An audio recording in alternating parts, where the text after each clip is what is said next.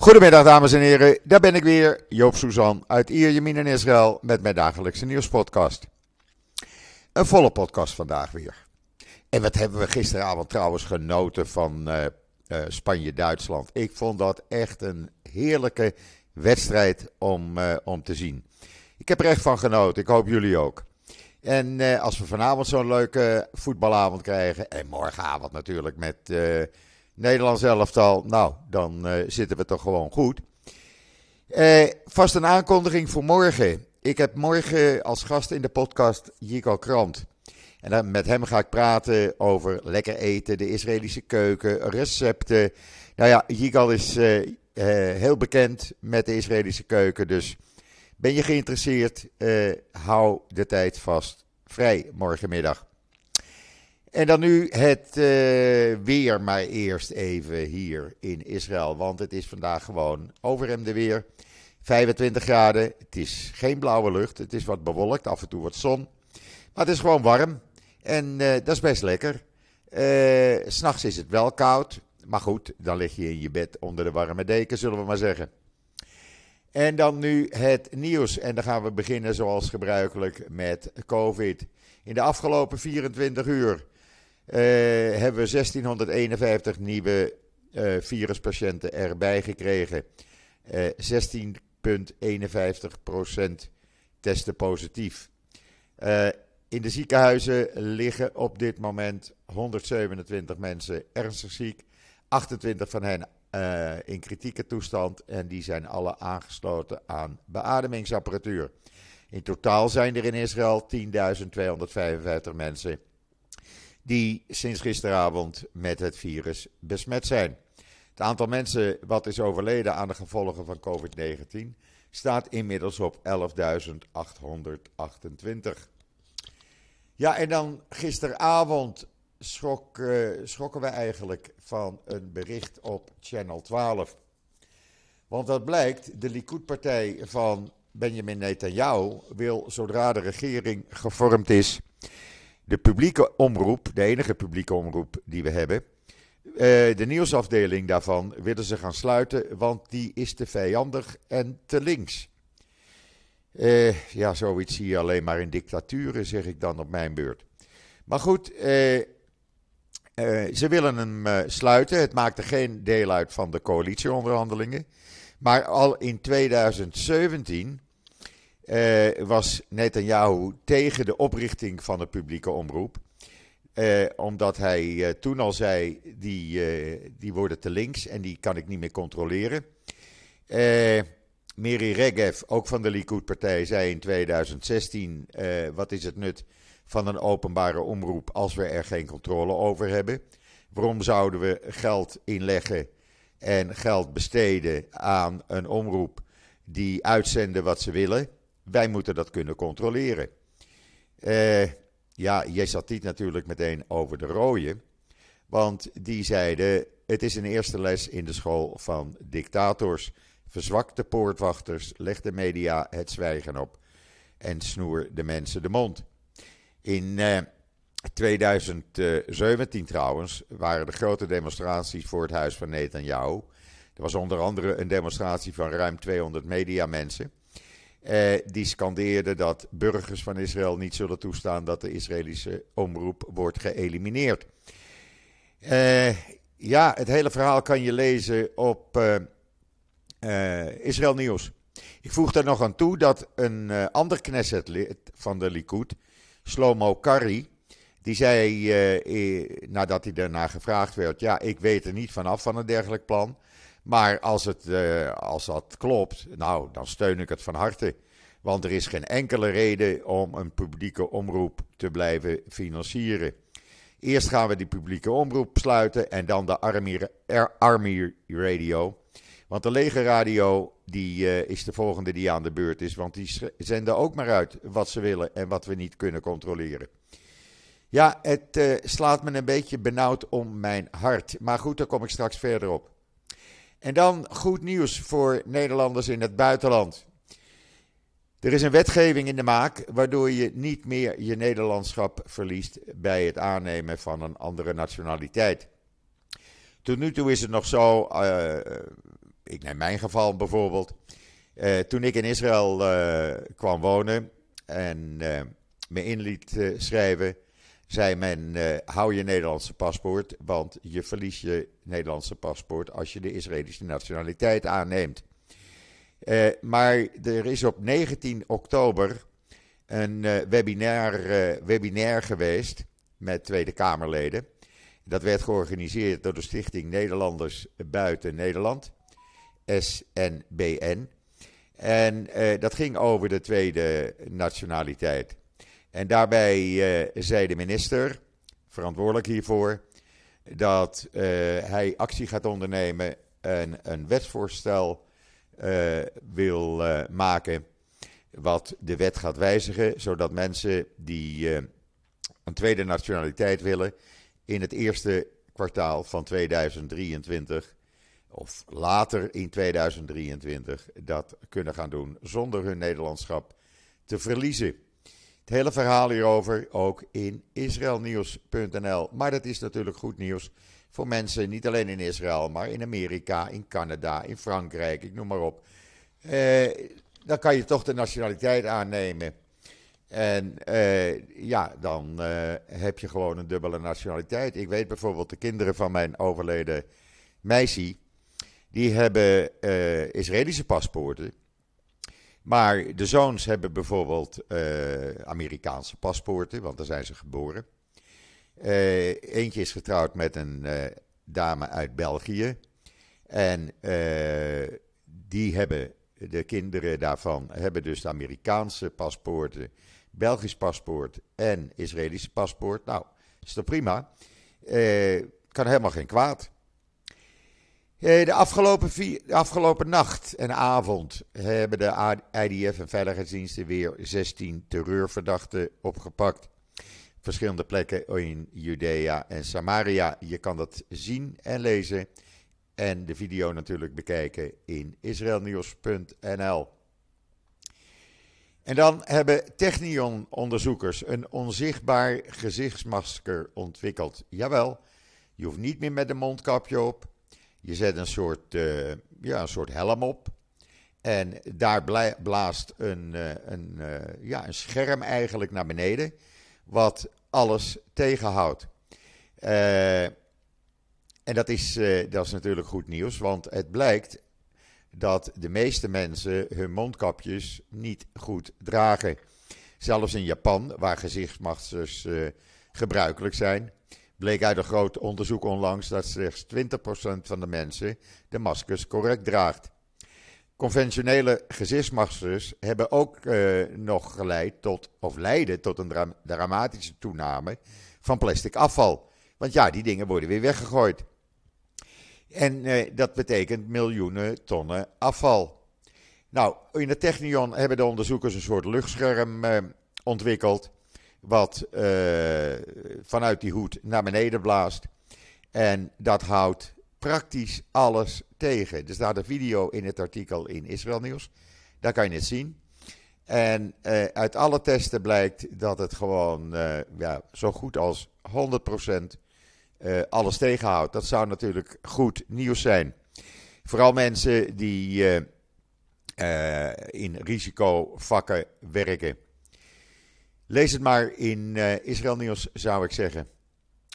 En dan heeft een onderzoeker van de Ben Gurion Universiteit, de NASA, een plan gepresenteerd. Waarbij een maankolonie uitsluitend stroom ontvangt of stroom produceert via zonne-energie. Eh, op aarde is dat onhaalbaar. Maar op de maan zou dat kunnen. En er zou 100% van de energie uit zonne-energie komen. Het is een heel groot onderzoek wat in Israël nieuws staat. Maar het is natuurlijk goed nieuws voor als eh, de NASA van plan is. Uh, zeg maar een grote groep mensen op de maan te laten gaan wonen. En dan de Yazatid-partij van premier Lapid heeft, zich, heeft gisteren bekendgemaakt dat ze zich voorbereiden op een groot juridisch gevecht tegen de nieuwe regering, als die er komt, van Netanyahu. Uh, over haar plannen om wetgeving aan te nemen die wetgevers in staat zal stellen uitspraken van het Hoge Rechtshof uh, als grondwettelijk te vernietigen en aan de kant te schuiven. Dat betekent het Hoge Rechtshof dus ja, min of meer opheffen. Het blijft er dan nog wel in naam, maar wetten, nieuwe wetsvoorstellen, nieuwe wetten die er nu getoetst worden door het Hoge Rechtshof, die worden er niet meer getoetst. Of ze dan wel of niet juridisch door de beugel kunnen, dat maakt de regering Netanyahu dan niets uit. Ja, dat kan natuurlijk niet. Het, volgens het Israel Democracy Instituut zal het ernstige schade berokkenen aan de Israëlische burgers in hun dagelijks leven en aan hun basisrechten. Nou, daar gaat uh, Lapid met zijn partij dan tegen vechten.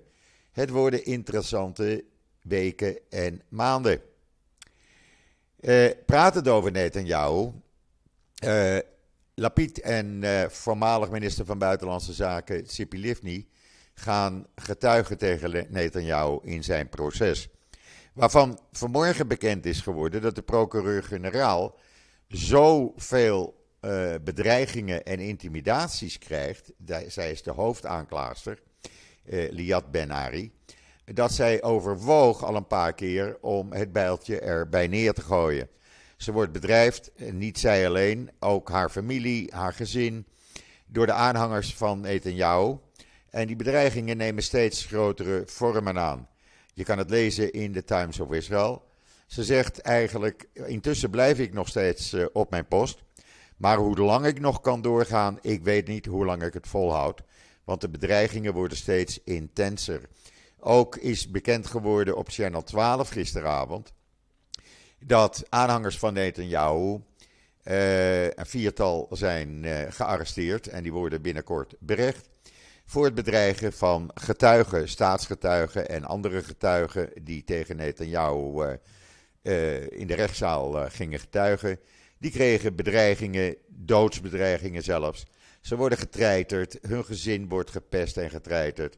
Mensen durven amper nog op straat te gaan. Dat is de atmosfeer rond het proces Netanyahu. Ja, en dat is natuurlijk niet goed. Dat gaat helemaal niet goed. Wat ook niet goed gaat en wat op, door uh, veel mensen als zeer kwalijk wordt beschouwd. En bij een heleboel, uh, heleboel mensen woede heeft opgeleverd gisteravond. Toen bekend werd dat Netanyahu een deal heeft gemaakt met de eenmanspartij, uh, de Noam-fractie. Een eenmanspartij van meneer Avi Maos. Meneer Avi Maos, daar waar die deal mee is gemaakt, die gaat zich bezighouden met wie is er Joods, wie is er niet Joods. Nou, dat betekent dat uh, mensen met een Joodse grootouder, één Joodse grootouder, niet meer als Joods worden aangemerkt, niet meer kunnen emigreren in Israël. Maar meneer Avi Moas wil ook de LHBTQ mensen het leven zuur maken. die moeten behandeld worden, vindt hij. Die moeten maar gezinnen gaan stichten en zorgen dat ze kinderen krijgen. Uh, hij wil dat vrouwen niet in het leger zitten. Nou, zo gaat hij nog even door. En deze man gaat dus nu een ministerspost krijgen in de regering Netanyahu. Ja, dat heeft natuurlijk de hele homo-beweging hier in Israël over de rode gebracht. Want ja, men vindt die man krankzinnig, men vindt hem racistisch. Uh, en deze man hoort helemaal niet in een regering thuis. Uh, hij wil dat homoseksuele mensen behandeld gaan worden en gezinnen gaan stichten. Ja, er moet conversietherapie voor ze komen. Sorry, maar we leven in 2023 voor over een paar weken. Dit kan gewoon niet. En deze man wordt dus met alle eer en uh, goede wensen in de regering opgenomen. Hoe kan het dat vrouwen niet meer in dienst mogen? Wat is dit voor krankzinnigheid? En deze man gaat dus nu de Joodse identiteit bewaren. Nou, dan kunnen we nog wel wat uh, gaan beleven de komende tijd. Trouwens, pratend over die nieuwe regering. Jawel, ik weet het. Ik ben geen voorstander van deze regering. Ik heb me daarover uitgesproken. Trouwens, dat is inmiddels ontdekt door uh, fans van uh, Netanyahu. Ik denk dat het georganiseerd is. Want ik kreeg opeens vanmorgen op uh, Twitter, ik heb ze inmiddels geblokkeerd, allerlei rotzooi over me heen. hoe gek ik wel was. En dat ik een linkse was. En dat Netanyahu de beste is. En dat Netanyahu melig Israël is, de koning van Israël. En hoe durf ik Netanyahu te bekritiseren? Nou, dat soort berichten kreeg ik dus op Twitter, dus dat was allemaal georganiseerd. Het kwam in een van twee, drie verschillende mensen. In het Engels trouwens. Maar goed, die hebben mij dus ook ontdekt. Maar ik ga gewoon door met mijn kritiek, want kritiek mag geuit worden. Ik vind dat iedereen moet weten dat bijvoorbeeld meneer Ben-Gvir een stafchef heeft benoemd, die door de Israëlische Binnenlandse Veiligheidsdienst werd beschreven als levensgevaarlijk voor de maatschappij. Deze man uh, noemt de politie nazi's. Deze man uh, noemt de politie antisemieten. Deze man heeft de politie maffia genoemd. En die gaat nu de rechterhand worden van Ben Gvir, die de baas wordt over de Israëlische politie. Kunt u het nog volgen? Ik niet meer.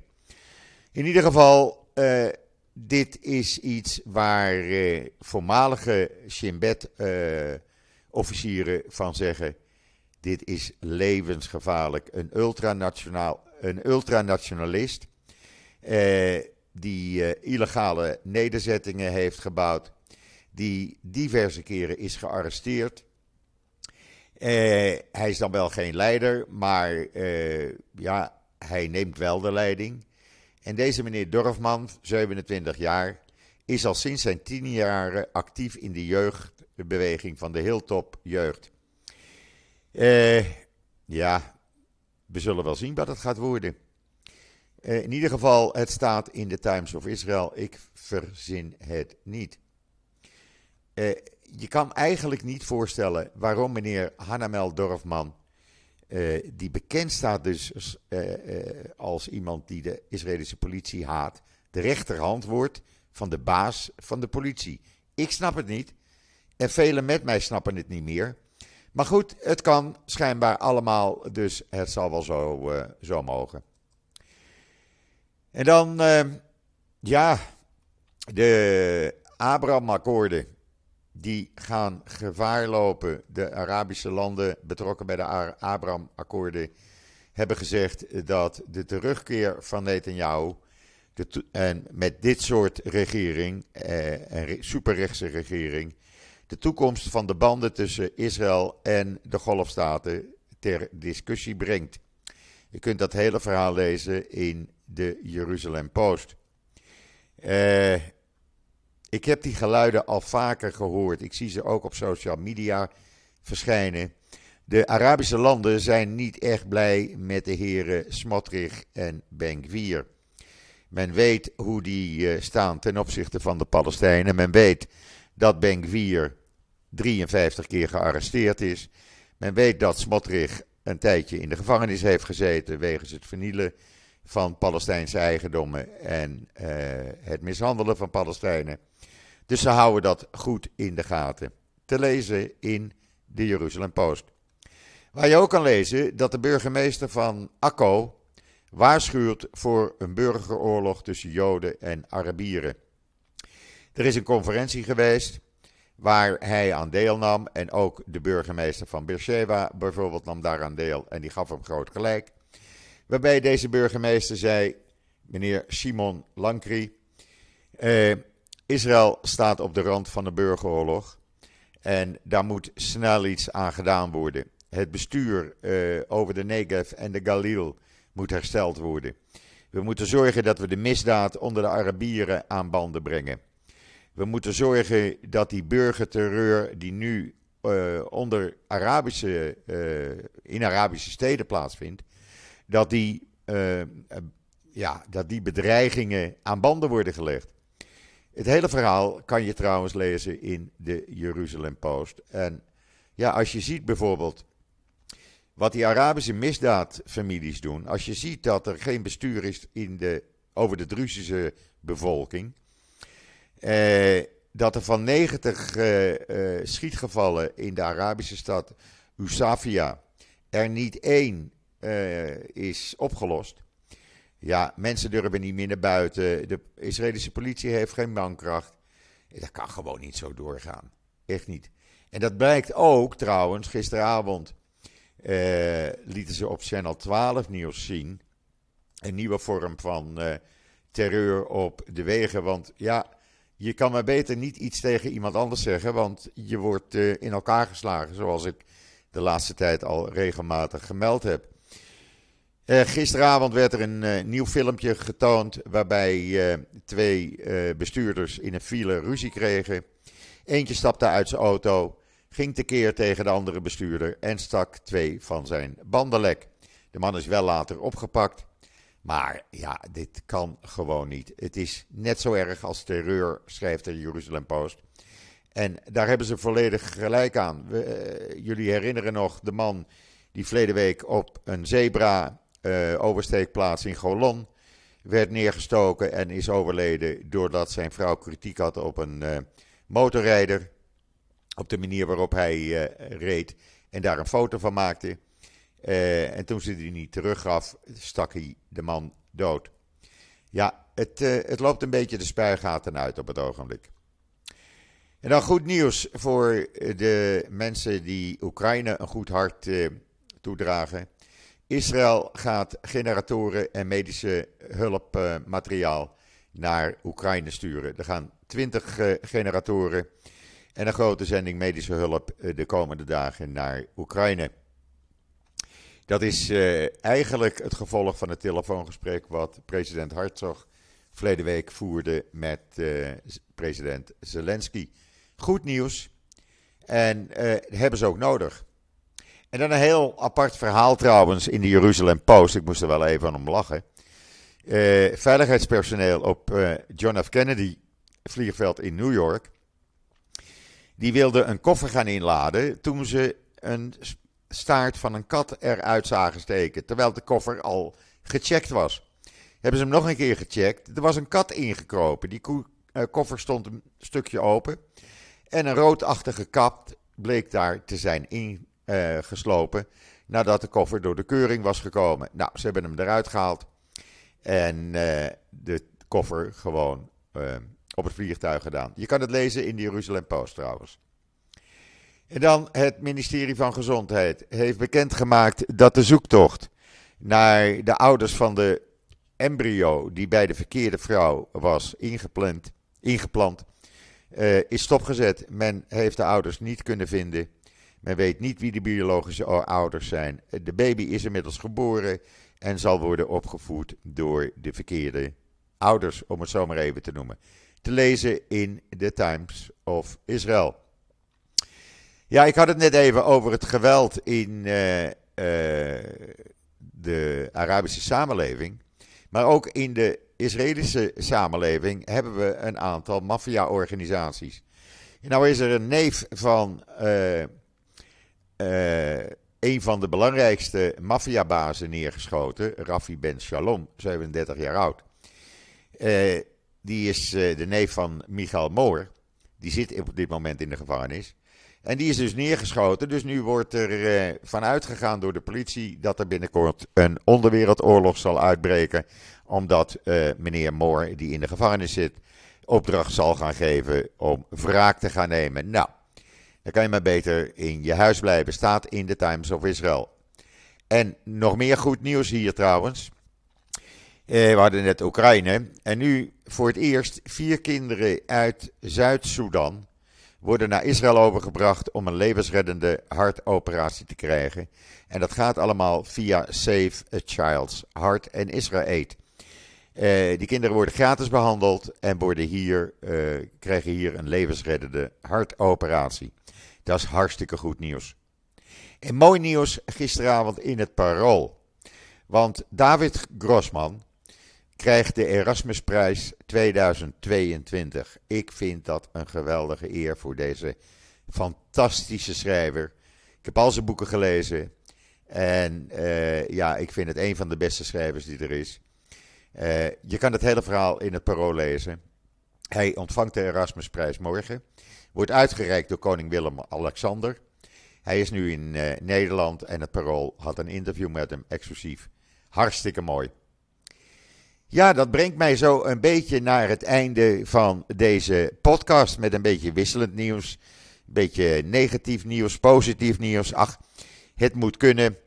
Uh, ik blijf jullie natuurlijk op de hoogte houden, uh, zolang ik dat kan blijven doen. Denk even aan fooienpot met een d.com. Uh, af en toe een tip voor Joop, want ik moet uh, wat nieuwe apparatuur kopen en ik heb er geen centjes voor. En ik wil toch mijn werkzaamheden, door, uh, om jullie van nieuws te blijven voorzien, blijven voortzetten. Fooienpot met een d.com, Nederlandse website, en daar kan je gewoon vanaf 1 euro een tip voor Joop geven. Meer mag ook natuurlijk.